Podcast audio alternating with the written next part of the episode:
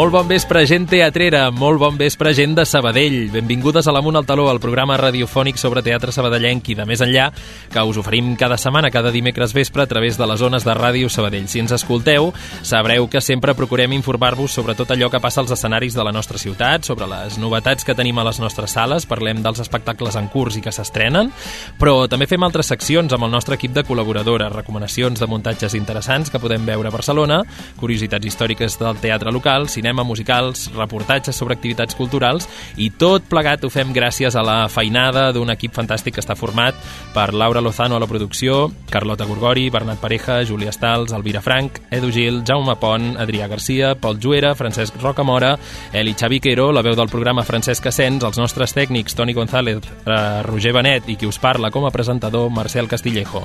Anem superant l'època nadalenca a Sabadell, que ja és hora, fora pessebre, fora tió, fora l'arbre de Nadal també, el curs segueix, continua, toca remengar-se.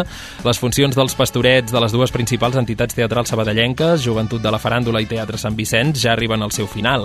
Aquest cap de setmana, darrera oportunitat per anar a veure'ls a la Creu Alta. Les representacions típicament nadalenques van a baixant el taló i toca mirar cap als propers mesos. Què ens espera la ciutat teatralment parlant els mesos de gener, febrer i març? Us ho explicarem tot aquí al programa programa. De moment us podem avançar que tindrem ben aviat un nou espectacle de cicle, del cicle de teatre d'autor al Teatre Sant Vicenç al voltant de la figura de l'autor Manuel de Pedrolo. També al mateix teatre un clàssic dirigit per Antoni Garcia, com és El so de la música, recordareu segur, de Sound of Music, amb una encantadora Julie Andrews protagonitzant-la. Amb Joventut de la Faràndula gaudirem el març del Teatre dels Somnis, eh, espectacle especial pel seu 75è aniversari, de la reposició de l'Adí i d'Alexandre la Pirata, una nova aposta que arribarà a final de curs. I el Ciervo eh, recupera adaptada a una obra que ja va dur a escena el 1922, fa 100 anys, quan va crear-se l'entitat. Arribarà aquest febrer a l'entitat del barri de Gràcia l'espectacle Els dos pillets. Per tant, se'n gira molta feina, però ja ens agrada perquè això vol dir que culturalment Sabadell i la seva gent es mou. Arrenquem el programa 234. Som-hi! Amunt al taló. Repassem ràpidament els continguts de l'Amunt al taló d'avui.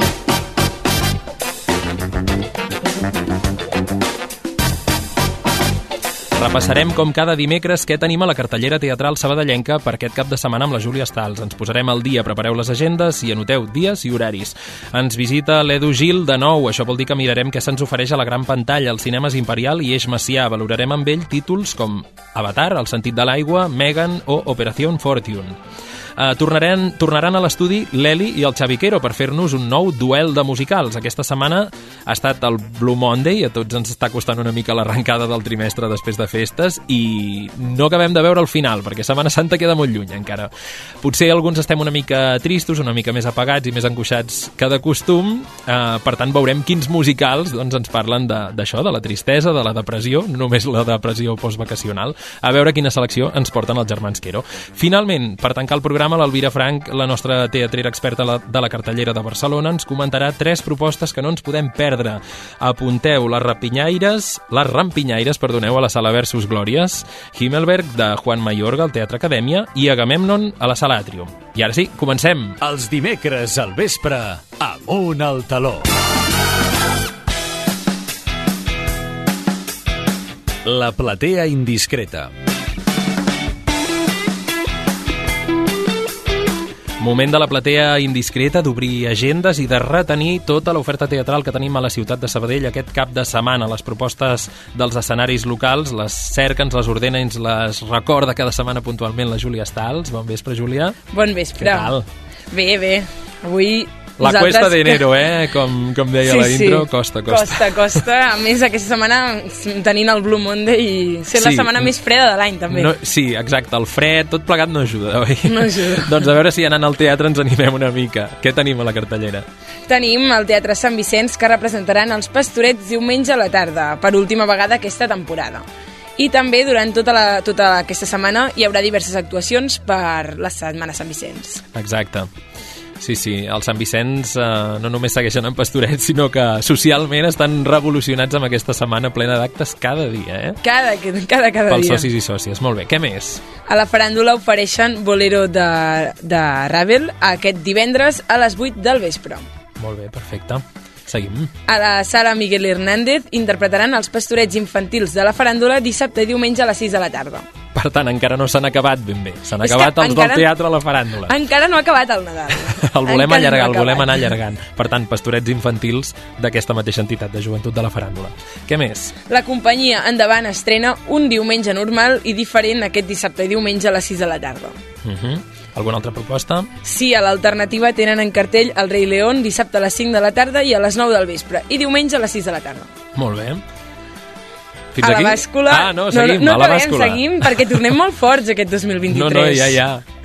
A la bàscula presenten adossats aquest divendres i dissabte a les 9 del vespre i diumenge a les 6 de la tarda. Molt bé.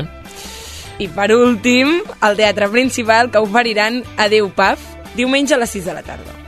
I de totes aquestes, n'hi ha una que a la ràdio ja ens hauran de descobrir que és una proposta fake. Uh, sí que ens pot revelar la proposta fake de la setmana passada, no? Sí, després de que hagueu estat hores i hores pensant, doncs ja us la revelem que la companyia Desordenats estrenava tot a lloc divendres i dissabte a dos quarts de sis de la tarda, que era ben fake. Sí, Mentida. sí, sí. Estem desordenats. No ho tenim tot a lloc, eh? No. Aquestes setmanes eh, encara estem amb el xip de calma i ens Sí. hem de tornar a activar tots plegats. Sí, sí, sí. Eh, Costa, costa arrencar. Uh, doncs uh, gràcies, Juli. Algun altre recordatori? Sí, com sempre recordem que es pot trobar gran part de l'oferta cultural de la ciutat a l'aplicació Sincronitzats disponible a iOS i Android i a la web de Sabadell Cultura. Seguim la setmana que ve repassant la cartellera teatral local. Que vagi bé, bona setmana, Júlia. Bona setmana.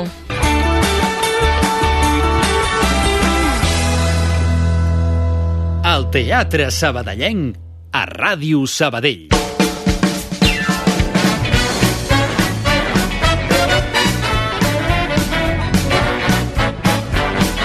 La gran pantalla.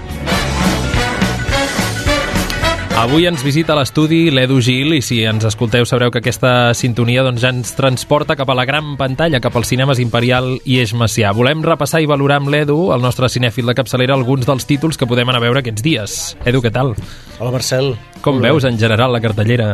Doncs mira, encara cinemes. no ens hem recuperat de les festes de Nadal i encara... Hi ha reminiscències de Nadal Sí, una encara, mica, eh? Dins nostre. Uh, doncs comencem amb els comentaris. Avui, per exemple, volem parlar d'un film comercial, uh, un blockbuster que segur que moltes de vosaltres l'haureu vist. Fa setmanes que el tenim a la cartellera i la gent sembla que bueno, hi ha anat en massa, no? Uh, Avatar, el sentit de l'aigua.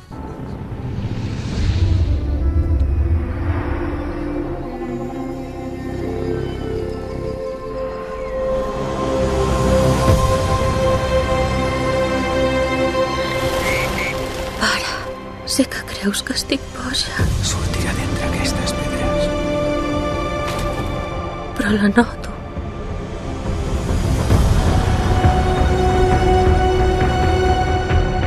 Sento el seu batec.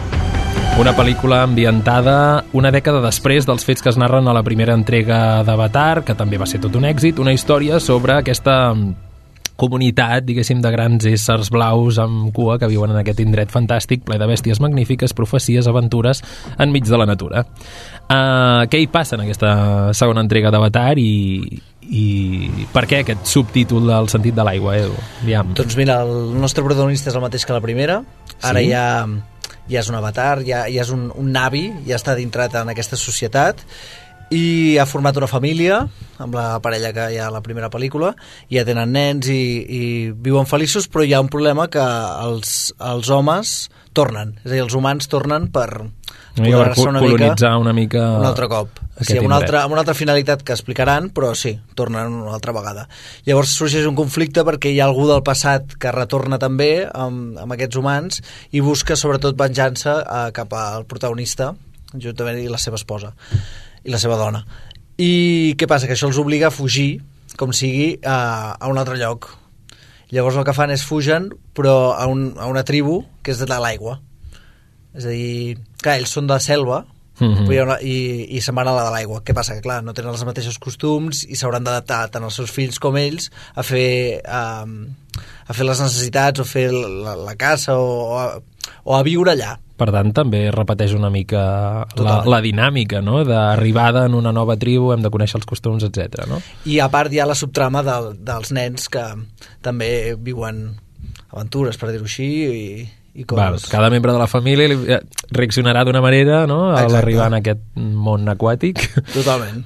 Molt bé, déu nhi uh, Una pel·lícula que sembla ser que és bastant llarga, no? Aquesta és una de les, seria una de les crítiques, potser. Totalment. 3 hores i 10, per ser exactes. Necessàries. No. Clar, i ras i curt, no? No, no. no. És, no és necessari. No la veritat és que per mi en dues hores es podia, o en dues hores tranquil·lament es podia haver fet um, i millor que un dels mèrits que té la pel·lícula és que al final l'última hora, que és on hi ha l'acció és on on té força i és on està millor la pel·lícula però jo crec que no calia fer-la tan llarga hi ha coses que potser clar, també posem en context que aquesta pel·lícula és com una transició perquè hi haurà una tercera i una quarta entrega i inclús volen fer la cinquena Això són moltes hores de cinema, eh?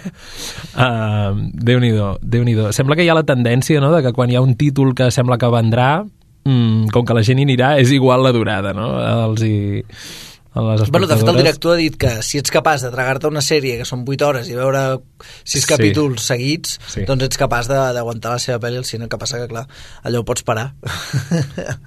Per tant, pel que dedueixo, no t'haurà agradat tant com la primera part d'Avatar. T'he de dir que no, perquè la primera part um, jo crec que estava molt més justificada o estava, tot i ser simple perquè no deixava ser la història típica de Pocahontas o Mm. molt, molt, la- molt normal Pocahontas amb efectes especials. totalment és el resum d'Avatar Sí. um, trobo que era un producte que bastant amb bon ritme, bastant eficaç i, i clar, era espectacular algunes escenes, les batalles estava bé, valia la pena era Vull dir, evidentment se li va donar molt bombo perquè va tenir molt èxit, però no deixa de ser un producte que estava bé, però fora d'aquí no... De quin any era la primera? 2009.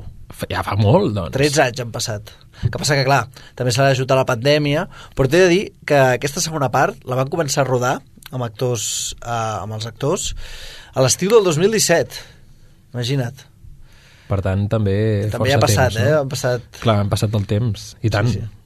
Uns quants anys. A mi em fa molta gràcia això que comentàvem, eh? que en el fons es basi en aquest argument universal de la literatura, d'aquest no? colonitzador Bueno, barra explorador que arriba en una nova món, en una i nova aquesta tribu. segona, evidentment, no només té problemes de ritme, sinó que jo per mi també té problemes de...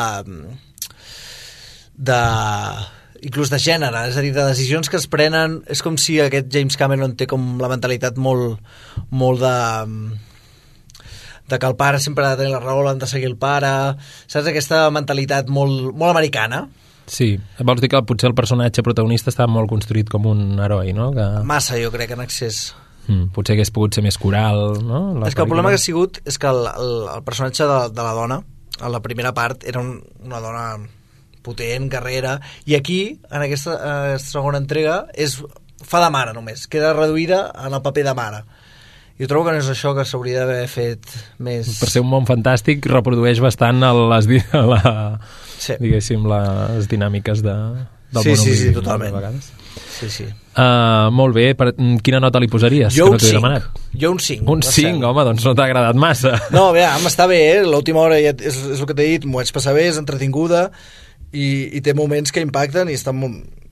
Però el resultat al final penso, Mm. no calia tantes hores, Els algunes efectes, parts... els efectes especials, què tal? Que no Molt bé. no t'ho he preguntat, tampoc. Molt bé, molt bé. El que passa que hi ha moments um, que després vaig llegir que era un tema de, de com estava fet els fotogrames, perquè està fet amb una càmera de, de 48 fotogrames per segon i tal, i depèn de quines pantalles no s'acaba d'apreciar bé, i s'ha de veure amb, amb un format diferent que, que no es pot veure aquí a Sabadell, per exemple. Mm. Per tant, un 5. Un 5. Un 5 paladet. I el 3D, doncs, està bé al començament, però després no, no hi ha massa diferència. Ja. Doncs això. Jo, és a dir, és un producte que... Ens hem quedat una mica xops. Va, anem a veure Va, si la segona sí. li ha agradat una mica més. Megan. Megan, tu misión es que Katie no sufra. Yo que tú correría. Katie, has perdido a tus padres. Bienvenida a casa. Eres mi sobrina. Voy a hacer todo lo posible para que aquí te sientas como en casa. Ojalá. Gemma, una brillant dissenyadora de robots amb intel·ligència artificial, eh, per una fatalitat acaba fent-se càrrec de la seva neboda Katie, que acaba de quedar orfa.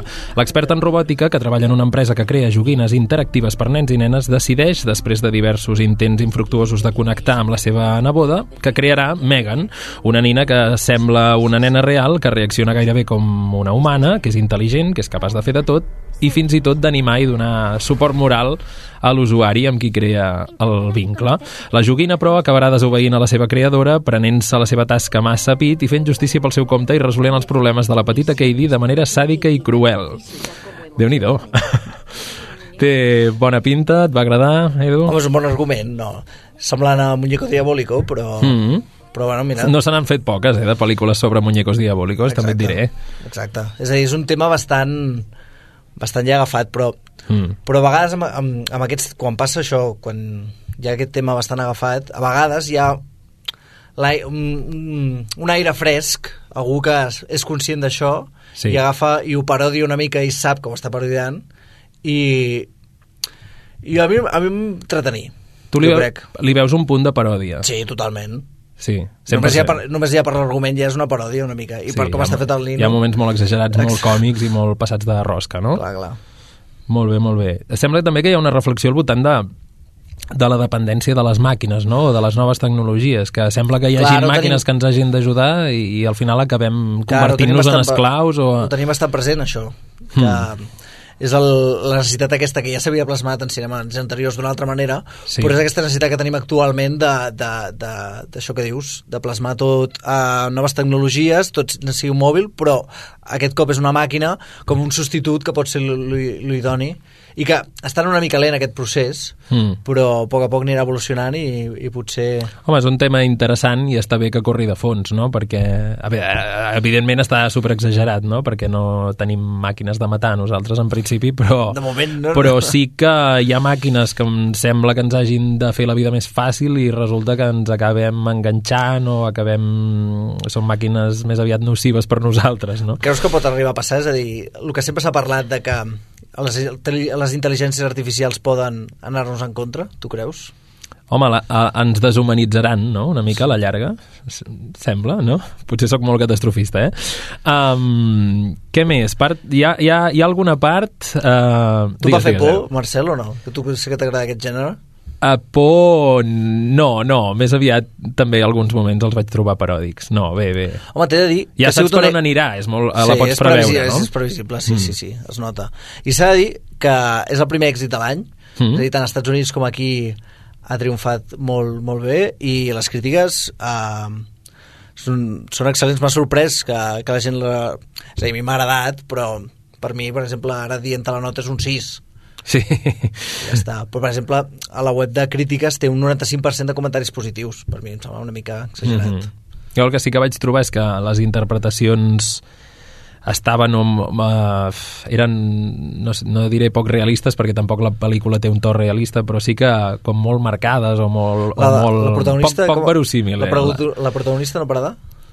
Eh, no molt Bueno, a mi ella... Um, sí? Bueno, a veure, estava millor a, a, a, a Hill House, però, però encara, no sé, té una cara així bastant creïble, la vaig trobar per, el bona. personatge de la Megan, què tal? Bé, Bé, no? bé, bon personatge. alguns moments una mica surrealistes, eh, també, però ja Totalment. és part del joc de la Exacte. pròpia pel·lícula. Uh, I també una altra crítica potser li faria, Edu, no sé si compartiràs amb mi, és que triguem molt a... Eh? Tenim una introducció molt llarga. Realment tu el que vols veure és com aquesta nina arriba a la família, em connecta amb aquesta nena i quines desgràcies els hi van passant. I per arribar aquí, El, el que passa és això, és que estem estona, eh? acostumats a veure pel·lícules tantes d'això que ja ens ho coneixem Sí, i clar, ja volem ja l'acció, és a dir, el que més ens importa és ja que comencin a caure ja tots com a mosques, sempre. A, mi, Mm. a mi és el que em passa, eh? normalment en pel·lícules així sí, sí. i clar, i suposo que clar, introduint-te tota la part inicial doncs es fa llarg. Va, ja ens has dit la nota, un 6, passem a la tercera proposta, el tercer títol, Operación Fortune. Como contratista privado, posees un conjunto de habilidades único.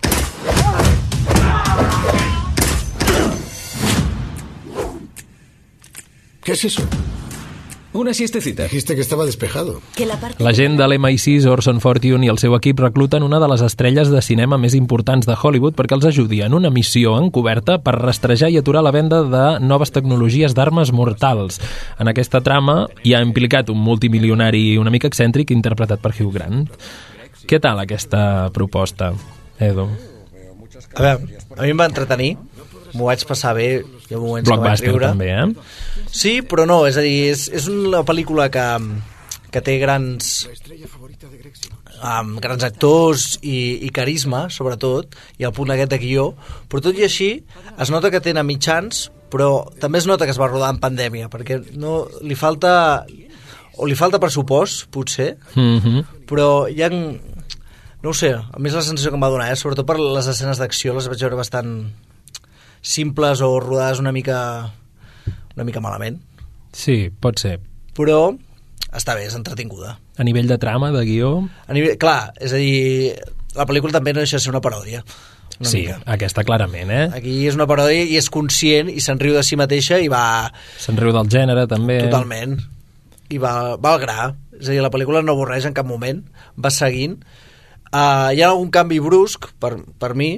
No acabat de justificar potser perquè bo, li interessen altres coses però està bé, es deixa veure Típica eh, pel·lícula també d'un equip no? de reclutat on cadascú doncs, té, dins d'aquest equip té el seu rol, per tant els personatges també venen com molt marcats, no? Eh, però, el tipo per, duro, però aquesta la- introducció és, Sempre és, ha- és, però aquesta introducció és ràpida Sí. va, sí exacte és, jo crec que és una pel·lícula de, de diumenge a la tarda Sí, sí, que, sí, sí. que per entretenir-te una hora i tres quarts Clar, si ho analitzes bé. des de la part paròdica està bé, però realment eh, tens el, eh, el tio Catxes, la noia, això em fa molta gràcia, la noia no té personalitat, és la noia, dintre de l'equip només n'hi ha una, rotllo, Eh, no, no. fins aquí.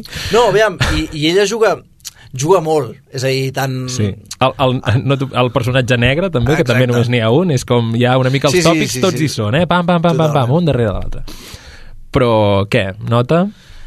És que jo, crec, jo li posaré un 6 perquè m'ho vaig passar bé i vaig riure, però podria, podria estar molt millor. És a dir, amb més pressupost i... Mm.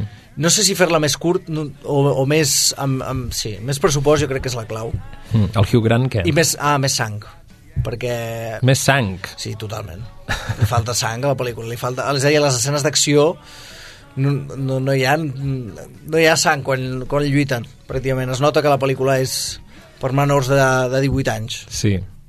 I després aquest personatge de l'actor que s'ha d'unir en aquest equip, no? de la- de- d'aquest actor italià que s'ha d'unir en aquest equip i que ha d'interpretar també un, A mi, al principi, paper. em semblava sobreactuat, eh? Ell. Ell. Mm. Però després, mica en mica bé, i el, el, el que per mi està millor és el, el, que, el Hugh Grant. El Hugh Grant et va agradar molt, eh? Per mi és el millor de la pel·lícula. Bueno, fa un paper també com una mica diferent del que... Sí, ens té acostumats. Del que ens té acostumats. Per tant, bé, seria una bona opció. De diumenge tarda, però bona opció, no? Totalment. Molt bé, doncs seguim, seguim en futurs programes, eh, documentant les novetats de la gran pantalla. De seguida que detectem uns quants títols interessants per comentar, vens, ens tornes a visitar i tornem a xerrar una mica. Que vagi bé. Perfecte. Gràcies. Merci.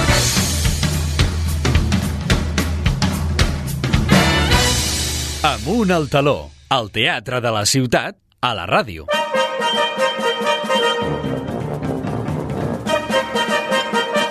Duel de musicals, Ameli i Xavi Quero.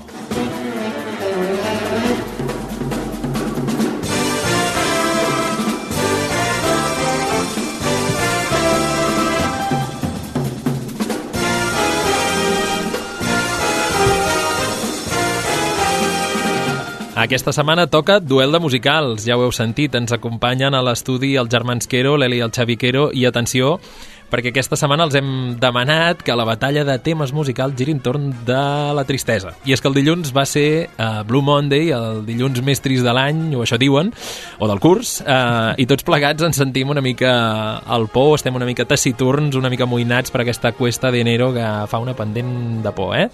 Eli, Xavi, benvinguts. Molt bones. Esteu d'acord o no? Aquest és el mood, una mica. Us costa l'arrencada postvacacional a vosaltres? Sí, una, mica- una mica bastant. Quines vacances. No, no, no han existit, no? No, no, no. Home, jo l'Eli la veig amb cara de cansada avui. Sí, sí, no, no. bueno, hem plorat una mica pels racons, ha acabat el Nadal eh, i ens sentim una mica així. O, o no, Xavi, no ho sé, us ho preneu amb bon humor i filosofia. Bueno, si no, què tenim? Què, tenim? què ens queda, si no? Ja, ja. Doncs eh, escolteu, arrenquem aquest duel de musicals a veure quins per, vos, per cadascú de vosaltres serien el, aquests musicals més tristos de la història o els moments dels musicals Sí, una, hi ha més una, tristos de la hi ha història. una miqueta de tot. A partir de, de, del tema pues, hem composat un, una selecció de vuit temes Mhm. de... Potser n'hi ha dels musicals més tristos del món, o això diuen, a les cançons especialment tristotes, tristotes, tristotes. Però bé, en aquest cas eh, cedeixo el primer torn de paraula a la Eli, que comença amb el dia de Van Hansen, no? Exacte. Començo amb aquest musical, no? Eh, L'Evan Hansen és un noi que pateix fòbia social, pobret, i el seu terapeuta, el doctor Sherman, li recomana que escrigui cartes, no?, a si mateix explicant per què aquell serà un bon dia, no?, perquè moltes vegades això ens costa.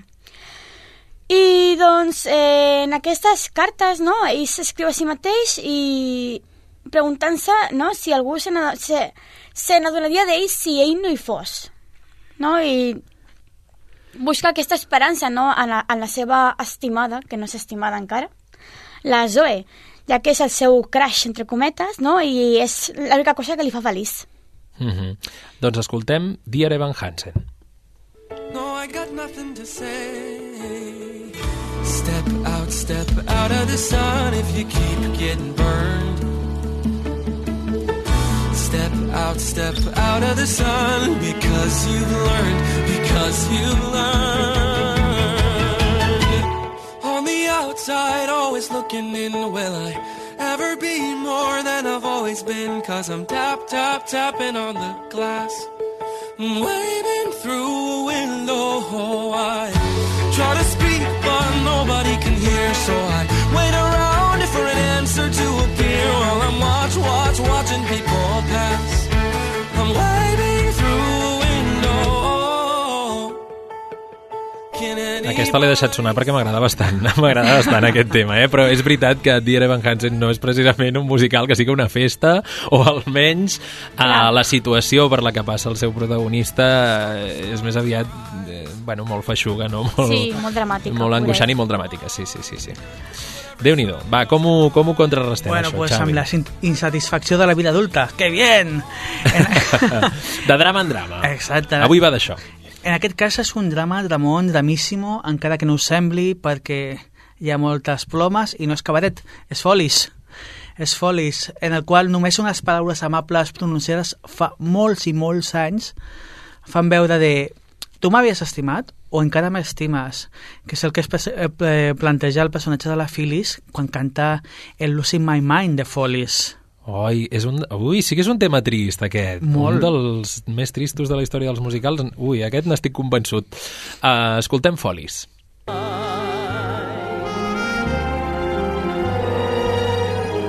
all afternoon doing every little chore. The thought of you stays Sometimes I stand in the middle of the floor, not going left, not going right. I dim the lights and think about you spend sleepless nights to think about you. You said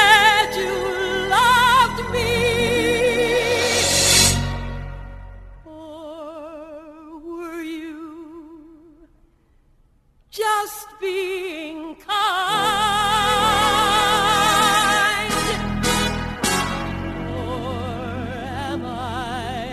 Quin musical. Mm. I em sembla que n'hi ha uns quants més, eh, en aquest musical, de temes així, eh, d'aquestes balades que realment et fan ensupir bastant, eh? Bastant, la Et que fan mirar el teu interior, eh? Déu-n'hi-do, Déu-n'hi-do. És un film està molt alegre. I, I aquest tema i molts altres de folis no? s'han anat en revivals d'aquests Mm. s'han anat recuperant i recuperant i recuperant perquè realment la música és preciosa. Mm. Déu-n'hi-do. De moment, aquesta selecció m'està encantant. Eli, com fem front a, a folis, aviam? Doncs eh, jo he escollit el musical de Miss Saigon, no? Eh, aquesta és una adaptació moderna del, de l'òpera de Puccini, Madame Butterfly, i narra de manera similar no, la, història, la història tràgica d'un romanç maleït entre una, una dona asiàtica abandonada pel seu amant estadounidenc.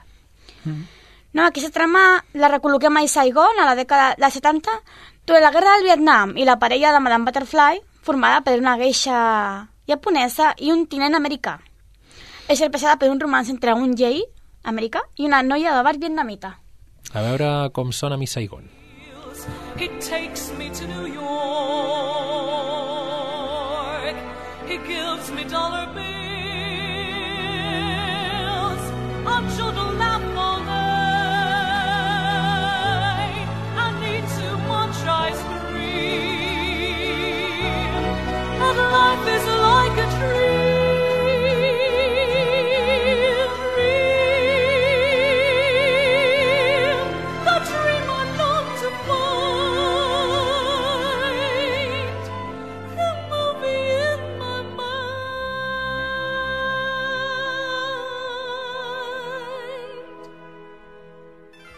Mira, jo aquest musical no el conec gaire, però només per el, no? La, aquesta manera tan lírica de cantar i, i per, aquest, per l'orquestració ja dius, ha de ser un dramón important, Sí, no? un dramón Molt. important. I, sí, sí, i, bueno, i també per això, pel fet d'estar basat en l'òpera de Puccini, no?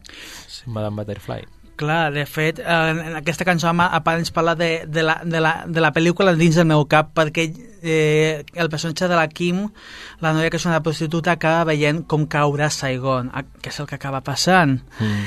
I ja que estem dins de... de com es diu això? Què et diria jo? De pel·lícules, Mm. mm, jo me, me vengo con otra película, que Val, és Dancing in the. Dark. Lluitem-ho. Dancing in the Dark. Sí, que ja és molt alegre de per si, ja ho sabem. Que el títol ja no... que en aquest cas té una pel·lícula de Von Trier amb la Björk com a protagonista que, que fa un duet en aquest, en aquest cas amb Tom York de Radiohead que el que tenim és el següent eh, el personatge de la Björk la Selma s'està quedant cega però encara i així li pregunten si veu alguna cosa i diu, ella veu totes les pel·lícules veu tot perfectament. O almenys és la seva fantasia per no adonar-se de que s'està quedant cega i que possiblement si no opera el seu fill aviat també es quedarà cega. Déu nhi Doncs escoltem com sona.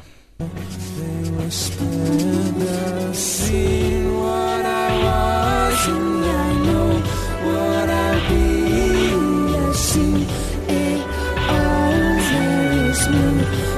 to see.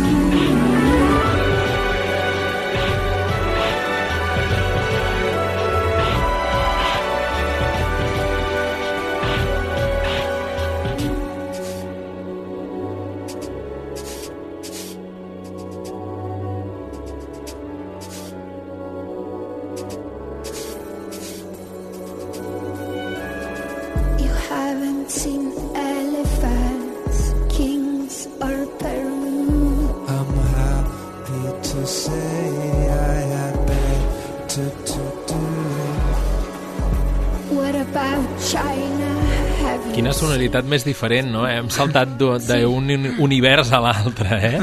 D'una cosa molt Phantom of the Opera a aquest musical una mica més eclèctic musicalment parlant, no? mm -hmm. Déu-n'hi-do. Um, com, com ho batallem, això, Eli? Doncs amb un dels clàssics més clàssics que hi han, que són les miserables. Oh, tornem... L'Eli va de clàssics. avui. Sempre.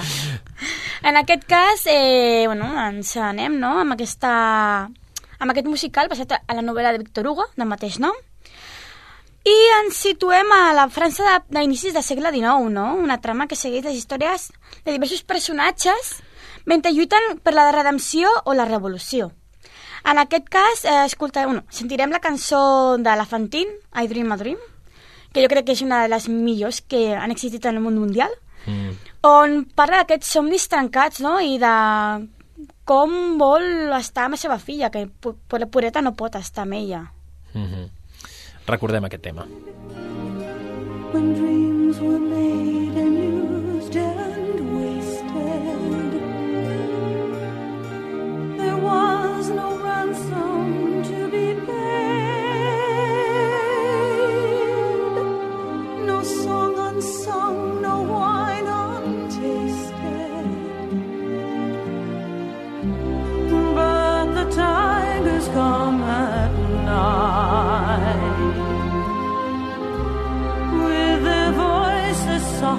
as thunder as they tear your hope apart. As your dream to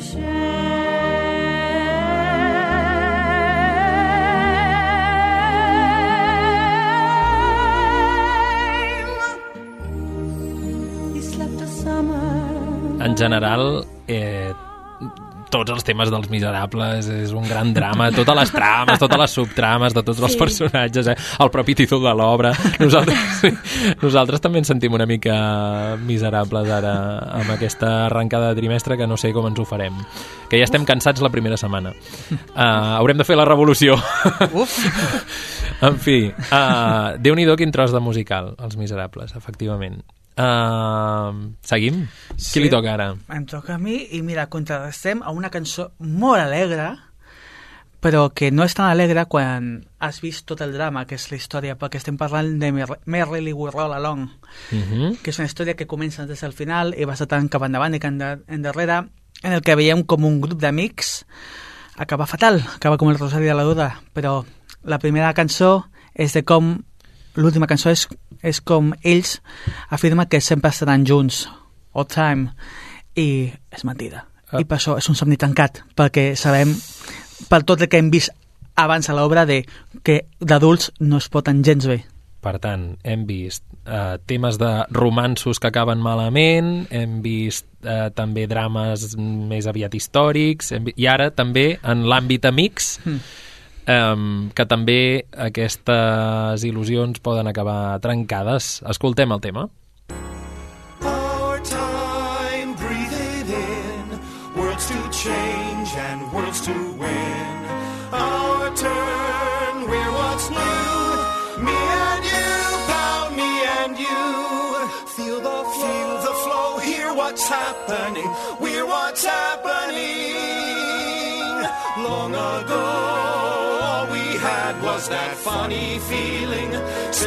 Someday we'd send them reeling.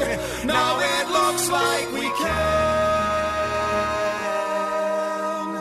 Someday just began.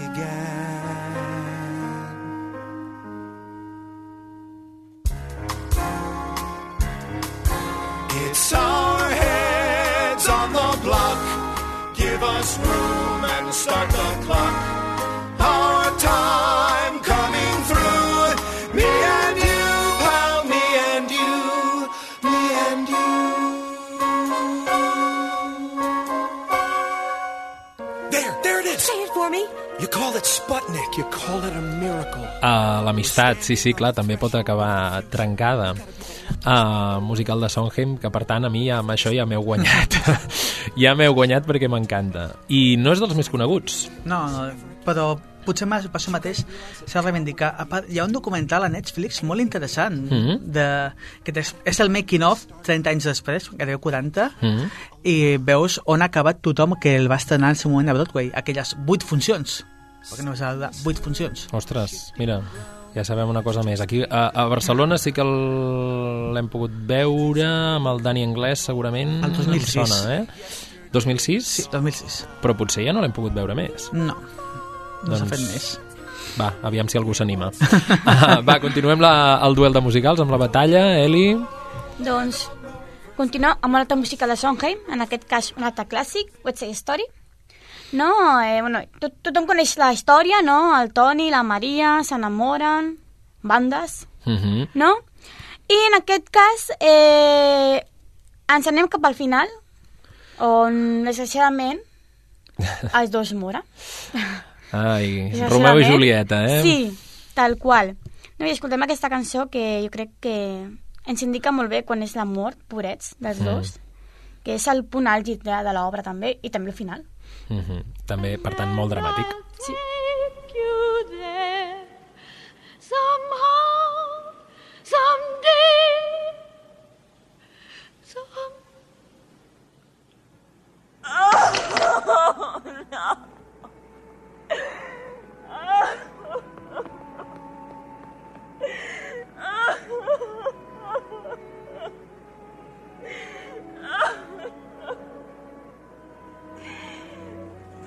You touch him!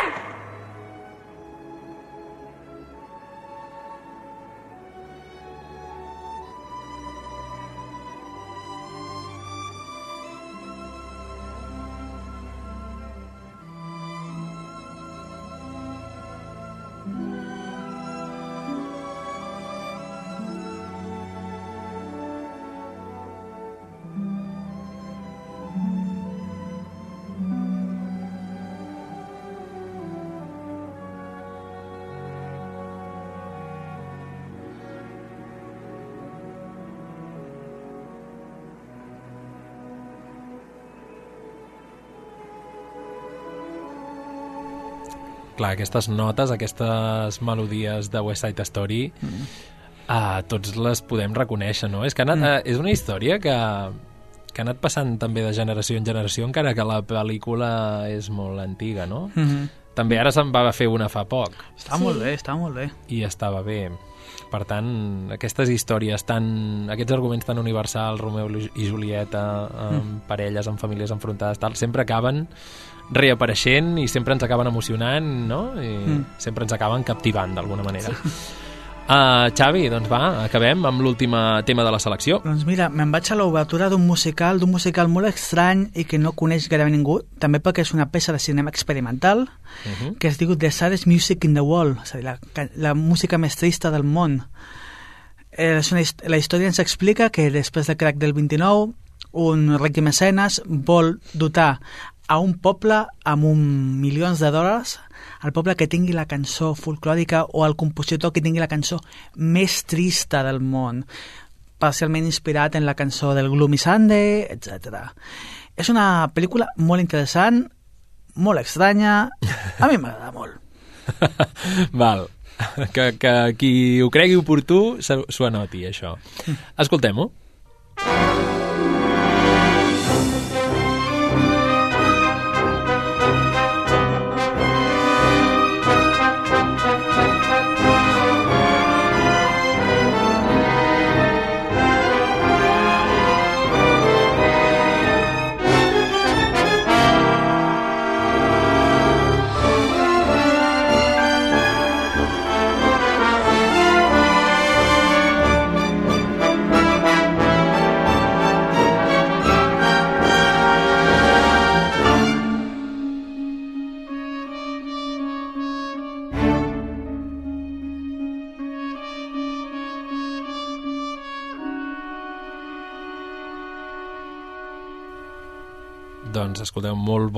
Selecció de musicals, els musicals més tristos de, de la història del, del teatre musical, però radioients, no us desanimeu, que la propera vegada que vinguin els germans Quero aquí a l'estudi intentarem que la temàtica sigui una mica més animada, una mica més alegre. Eh?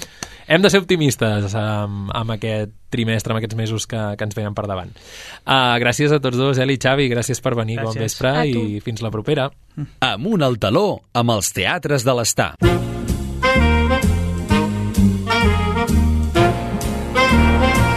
Teatre de Franc.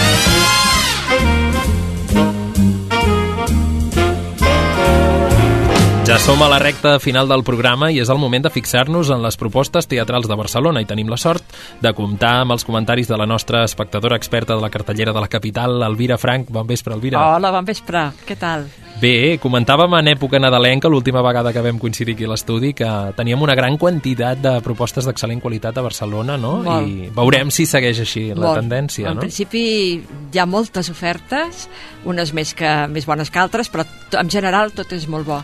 Al carrer fa fred, però Falta que les espectadores vagin al teatre, entrin als teatres, entrin al no? teatre que allà hi ha molt caliu. Exacte, exacte. Sí. Sense espectadores no hi ha teatre. Exacte. Uh, avui ens has de parlar de tres propostes en tres sales diferents. Sí. Comencem per la primera proposta. La primera proposta és Les Rapinyaires de Roc Esquius a la Sala Versus Glòries.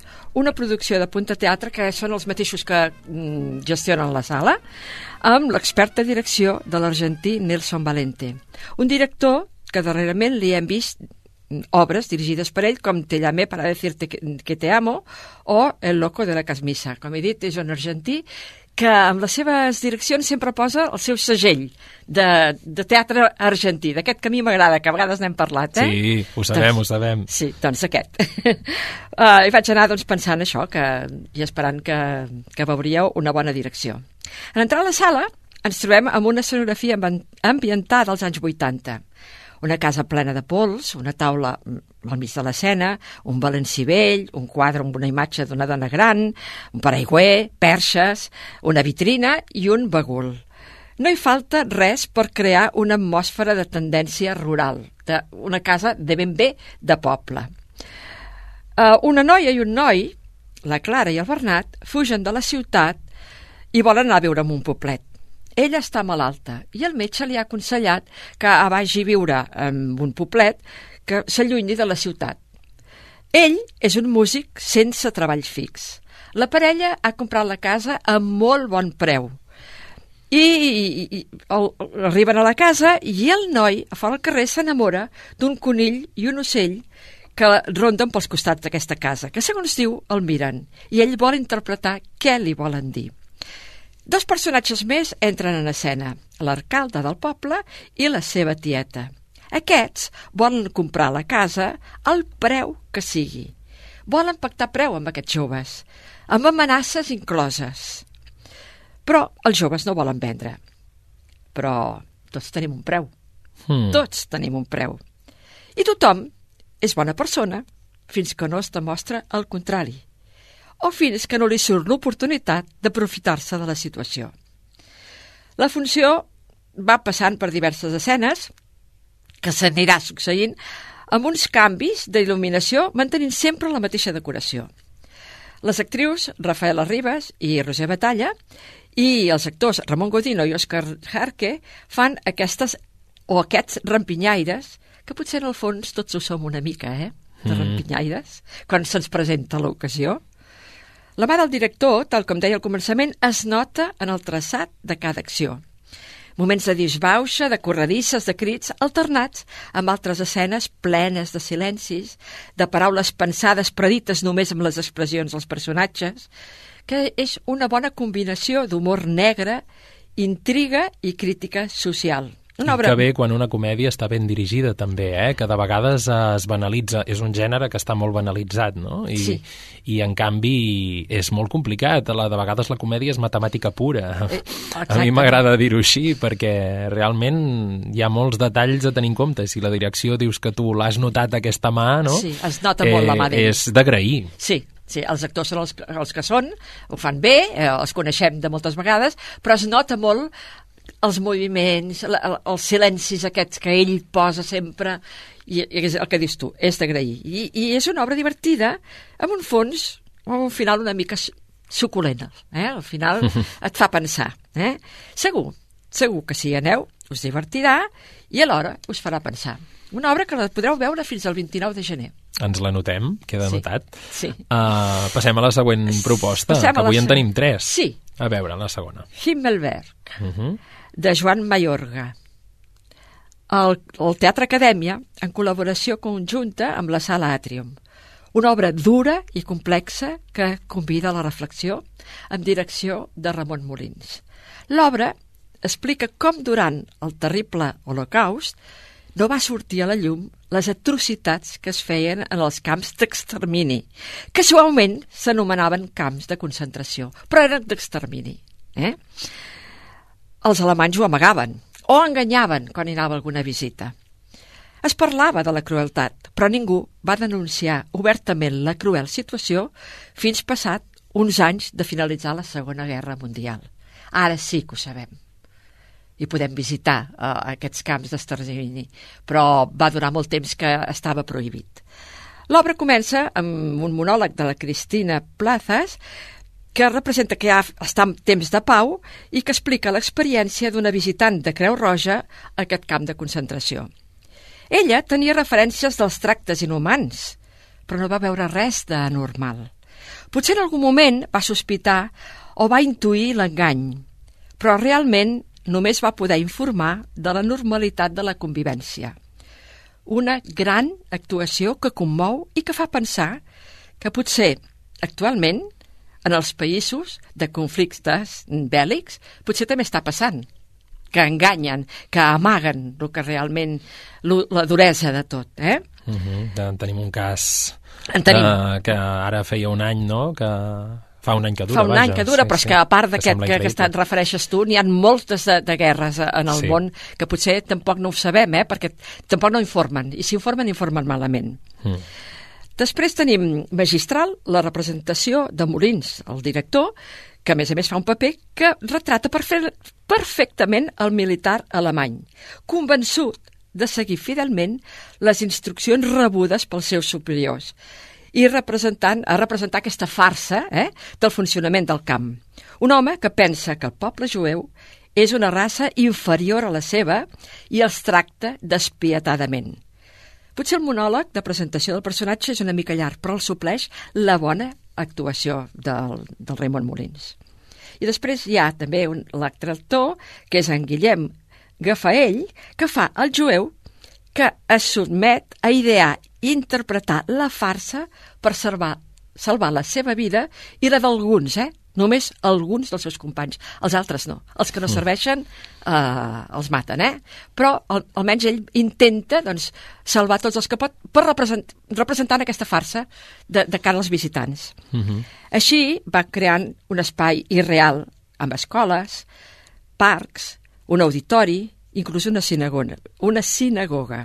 Tot pre pre preparat, com dient, només pels visitants. Eh? El, el camp con continuava doncs, amb la mateixa cruesa eh? I, i, de sempre. Els acompanyen també la Sònia Gardés i Anna Roy, que es cuiden de manipular uns ninots representant a nens i nenes del camp que són considerats com això, com verdaders ninots. El nen que no serveix, fora. Mm? Fora vol dir matar-lo, eh? Mm.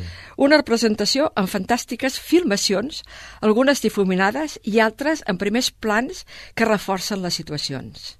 Himmelberg, en alemany, és camí al cel. Aquest cel que la nostra societat volem viure, que ens desentenem del que està passant en altres països, creient-nos les manipulacions informàtiques i de pensament que, per desgràcia, estem vivint. La por, l'afany, la comoditat ens fan creure o ens conformem a continuar enganyats. Aquesta obra és una reposició que es va estrenar l'any 2016 a la Sala Atrium i que aquell any va ser finalista del certamen nacional de La Rioja i també que el seu protagonista, el Raimon Molins, i també és el director, va ser mereixedor del Premi BBVA com a millor actor. Es va representar fins al passat diumenge, eh? però segur que la tornaran a fer. Si us interessa el tema, no se la perdeu. Mm -hmm. Anoteu-la. I tant. Sembla un tema interessant. La posada en escena, què tal, Elvira? Molt, molt bé. També molt bé. Sí, és que el Teatre eh? Acadèmia saben jugar amb filmacions, Per això, per això t'ho preguntava. saben jugar molt amb l'espai que tenen. Mm. A mi em va encantar. L'exprimeixen al màxim. Molt, molt, molt. A mi em va encantar també la posada en escena. Sí, sí, uns recursos molt adients de posada en escena, molt, i tant. molt. Doncs passem a la tercera proposta d'avui. Passem a la tercera. Agamemon, de la companyia Teorema Teatre, encapçalada per Oriol Genís. Ja saps tu que també l'Oriol Genís és, és la meva debilitat com a actor. Un text de Janis Ritzos amb la bellíssima traducció de Joan Casas a la sala Atrium. És la història grega d'un dels herois de la Guerra de Troia, però posada als anys 60 i 70 durant la dictadura a Grècia, la dictadura a Grècia. I també de retruc, amb reflexions que fan pensar en els nostres temps. Pràcticament és un monòleg interpretat genialment per Oriol Genís. Aquest actor, que tant ens pot fer riure, com pot cantar notablement, com fer una actuació dramàtica excel·lentment. Ell fa d'aquest guerrer que arriba a casa seva victoriós però cansat. La seva esposa, la Quitemnestra, l'espera per bé o per mal, pensant a venjar-se de l'assassinat de la seva filla comès per, per ell, pel seu espòs. Un paper representat per la Cristina Martí que sense dir ni una paraula en tota la representació, l'actriu transmet, només amb els seus moviments, tots els sentiments i intencions que la portaran a matar el seu marit quan es banyi. S'acaba Mhm. així la tragèdia, eh? Ja ens has explicat al final, però segur que molts i És moltes ja... Aquesta tragèdia ja eh, és coneguda. De, Sí, sí, de, de, i tant, i tant. I tant de, És un clàssic. Sí, és un clàssic de Grècia, no? Sí, exacte, mai més ben O dit. sigui que, eh, si coneixeu la història aquesta, ja sabeu que s'acaba que el mata quan Mhm. es banya. Les escenes són representades pels records i la memòria de la vida de la filla Igènia, que és la que va matar, eh? però representa que ella les pensa. Que l'interpreta la Subel Arana, que canta i posa la nota musical en l'espectacle. Mhm. Té una veu prodigiosa, de veritat. Té una veu Carai. preciosa. Eh, Pot ser dolça i amarga al mateix temps. També ella és la que va posant des d'un piano, un vell piano, els tons troncats o suaus que omplen l'espai sonor. Unes notes que surten de les tecles i també de tot l'encaix musical i que acompanya la cupido text que tan bé sap dir el protagonista. Una representació plena de mirades i silencis, de poesia i fantasia, plàstica i enginy, d'intencions i fets mig amagats. I per sobre de tot, el text meravellós que convida a la seva lectura. Jo no l'he no l'havia llegit mai, però mm, ara tinc ganes de llegir-lo, perquè és preciós. La traducció mm. és fantàstica. L'espai escènic el precedeix el piano, aquest piano antic, eh, que li falten tecles, que està vell que, a part dels sons que en surten, també serveix com a element per fer alguna coreografia. L'acurada il·luminació ressalta cada expressió i moviment de l'actor i de les dues actrius.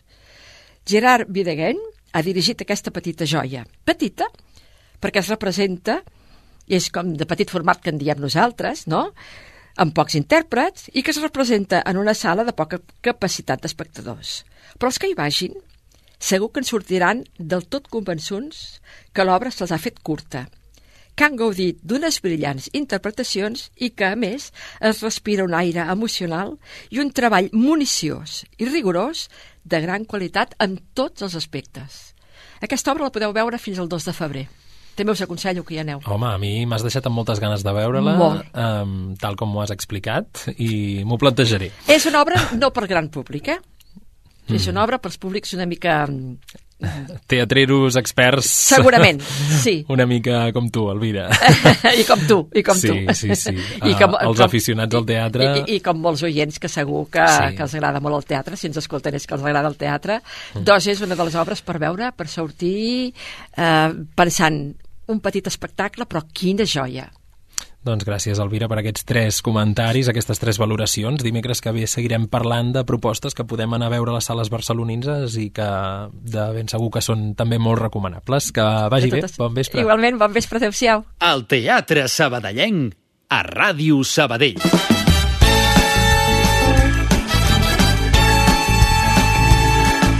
I així tanquem l'Amunt al Taló d'avui. Us recordem que podeu recuperar tots els nostres programes a Spotify, només cal que busqueu Amunt al Taló al cercador i trobareu el nostre podcast. Rescateu també aquest programa i tots els altres a la carta, al web de Ràdio Sabadell. I seguiu-nos a les xarxes, a Instagram, arroba amuntaltaló.està i també a Facebook. Bona nit, gràcies per escoltar-nos.